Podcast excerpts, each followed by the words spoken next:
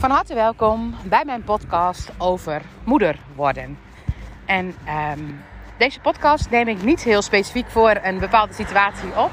Maar toch, zeg maar, zie ik, zo vandaag, zeg maar, zie ik toch weer situaties dat ik dan denk van, oh, wat, wat bijzonder is eigenlijk het moeder worden. En als ik dit dan zo inspreek, dan denk ik ook van, oh, ik maak het ook echt wel een hele, tot een hele serieuze business. Maar eigenlijk is dat precies het tegenovergestelde wat ik zou willen doen.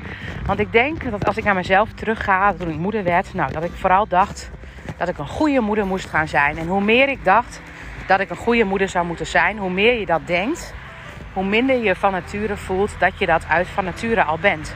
Zonder dat je het zelf doorhebt, hebben wij een moedergevoel.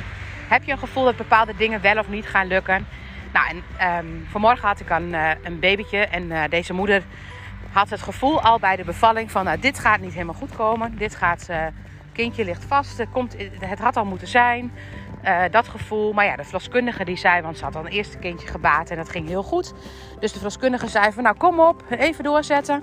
Dus ze dacht, nou weet je, ik zeg het ook niet. Misschien ben ik het wel. Ik zeg, ik zet niet door. Maar ze voelde dat het niet kwam.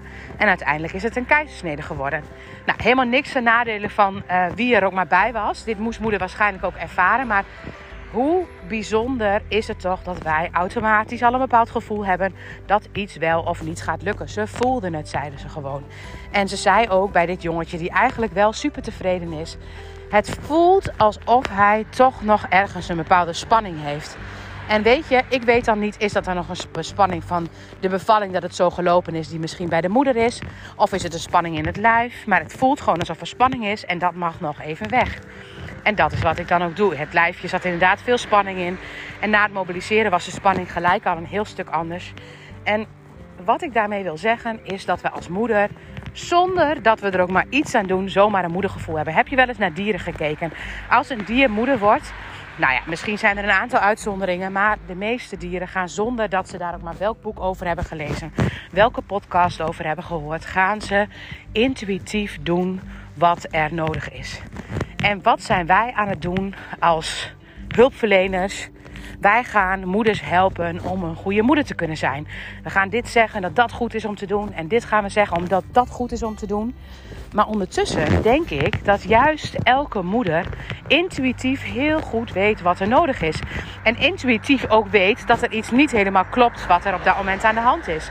Dus stel je voor, jouw kind is super onrustig dan is jouw kind super onrustig. Dan geeft deze moeder aan dat het kind super onrustig is. En het enige wat we dan niet zouden moeten doen, is twijfelen aan dit moedergevoel.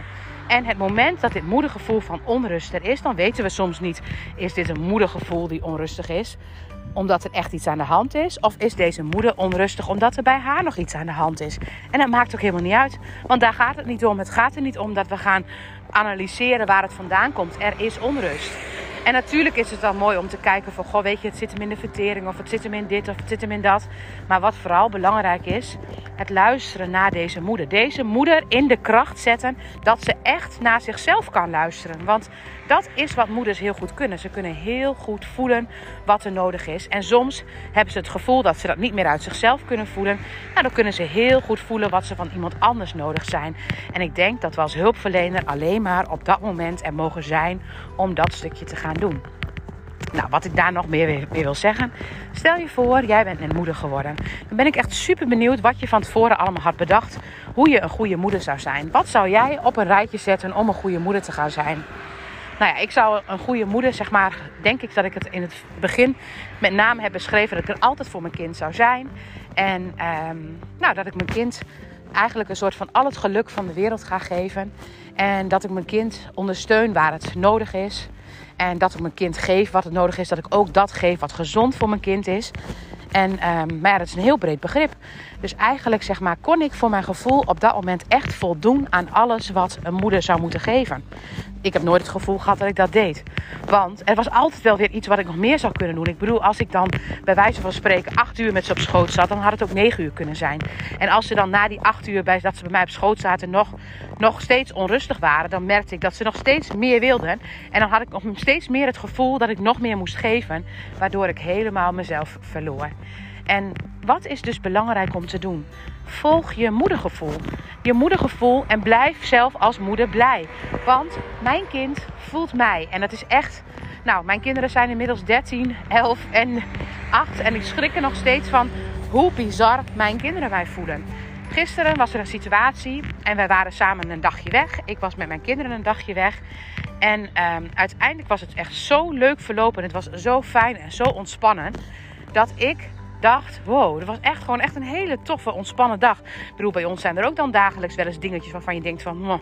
En we gingen nu best wel heel veel uh, lopen, waardoor ik best wel een grote kans had dat mijn jongste Rosanne bij alles uh, mopperde, omdat ze het te ver vindt lopen. Maar gisteren was het helemaal niet het geval. En toen ik besefte dat het wel echt heel erg goed ging. En toen ik besefte dat het wel echt een beetje beter ging dan dat ik ooit had verwacht. En dat ik bijna dacht van, dat beklemde mij.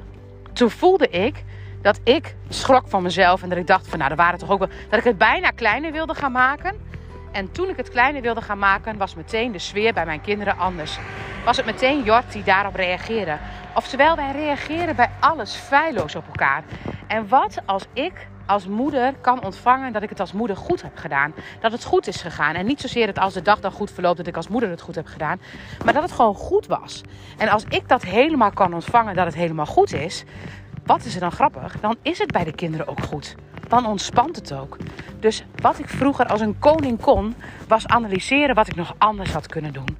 Maar wat als we nou allemaal eens gericht zijn op de dingen die goed gaan? En als we allemaal nou eens niet onzeker worden van de dingen die nog niet helemaal goed gaan. Want we mogen dingen niet goed doen. En niet goed bedoel ik niet mee te zeggen dat een kindje helemaal overstuur is. Ja, dat mag ook een keer. Maar het moment dat je als moeder ziet wat er die dag goed verliep. Bijvoorbeeld het ritme van de voeding was echt heel mooi. Of ja, ze poepte wel de hele tijd. Of het maakt echt helemaal niet uit. Maar wat als wij onszelf nou niet vanuit onzekerheid nog eventjes een lat leggen en allemaal vertellen wat we allemaal nog anders hadden moeten doen.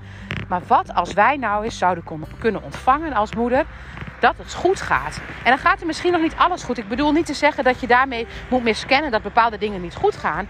Nee, ook daar mag je er voor jezelf zijn. Maar het moment dat je gaat zien dat er dingen ook goed gaan, voel het maar eens. Voel maar eens wat. Alleen als ik het zeg al, voel ik al dat er een bepaalde ontspanning in mij komt. En het moment dat je die ontspanning in jezelf er kunt laten zijn, wanneer je kunt zien dat er ook dingen goed gaan, dan gaan de dingen ontspannen. Dan gaat het loskomen. En als het los kan komen en als er dan een bepaalde ontspanning en een soort tevredenheid bij jezelf is, dan is dat ook het gevoel wat een kind heeft. En bij mij was het, is het zelfs zo dat als het dan bijna te mooi is, dan kan ik bijna niet geloven dat het zo mooi is. En dan boycott ik mezelf door er weer iets tegen aan te leggen. En daar word ik dan weer gefrustreerd van. En dan heb ik een boos kind. Terwijl ik net andersom, het moment dat ik het helemaal kan ontvangen, dan loopt de hele dag, heus niet altijd, maar wel in 90% van de gevallen heel erg smooth, heel erg ontspannen. Dus wat als je niet meer bezig bent? Je kind heeft een boosheidsaanval. En als je aan het einde van de dag dan een superleuke dag hebt gehad, maar ook een boosheidsaanval. En als je als eerste dan opschrijft: Mijn kind was vandaag boos. Ja, dan heb je het heel groot gemaakt wat er niet zo goed ging. Maar wat als je nou eens beschrijft wat er wel lekker liep? Wat als je daar aandacht voor kunt hebben? Want iets waar je aandacht voor kan hebben, dat groeit. En het moment dat die momenten gaan groeien in jouw beleving, dan gaat het ook anders voor gebeuren. En daarbij volg je moedergevoel. Is je kind niet blij, dan is je kind niet blij. En volg je moedergevoel dat je kind niet blij is. En wat heeft jouw kind dan nodig? Ga eerst eens voor jezelf voelen, ben je zelf wel blij? Want soms is het zo dat je niet blij bent omdat je kind niet blij is. En dat je kind eigenlijk niet blij is omdat jij niet blij bent. En het moment dat je die gevoelens allemaal kunt shiften, dat je daar een verandering in kunt krijgen, dan krijg je een hele andere situatie. En die hele andere situatie, als er echt iets aan de hand is in het lijf, dan ga je dat ook heel duidelijk zien. Maar het moment dat jij dit kunt shiften bij jezelf, dan verandert er heel veel. En onderschat niet hoe moeilijk het is om mooie dingen te ontvangen. Hoe lastig is het wel niet als iemand 20 complimentjes geeft? We wuiven ze allemaal weg. Dus hoe mooi is het als, stel je voor, je hebt het kindje bij je en het is zoiets bijzonders voor je. Soms voelt het bijna veiliger als het niet helemaal goed gaat. Als je er iets negatiefs over zou mogen zeggen. Maar wat als je het dan als helemaal zou ontvangen? Helemaal zou ontvangen dat jij als moeder het goed doet. Dat jij het als moeder goed bent. En dat jij als persoon goed bent. En als je dat helemaal zou pakken, dan betekent niet dat je dan een of andere ego-kwestie moet, moet maken. Maar misschien ook eigenlijk wel. Misschien zou je wel helemaal mogen ontvangen dat het goed is. Want het moment dat je dat ontvangt, haal je er een stuk ontspanning af. Leg je de lat niet meer zo hoog. Ontspant de situatie. En door die ontspannen situatie krijg je veel helderder in beeld wat er precies niet lekker loopt. En dat kan natuurlijk iets met voeding zijn. En dat kan natuurlijk een bepaalde onrust zijn. Die kleine mormeltjes zijn ook nog maar net op de wereld. Maar wat als jij als moeder kunt ontspannen in die situatie, dan verandert er echt heel veel. Dankjewel voor het luisteren.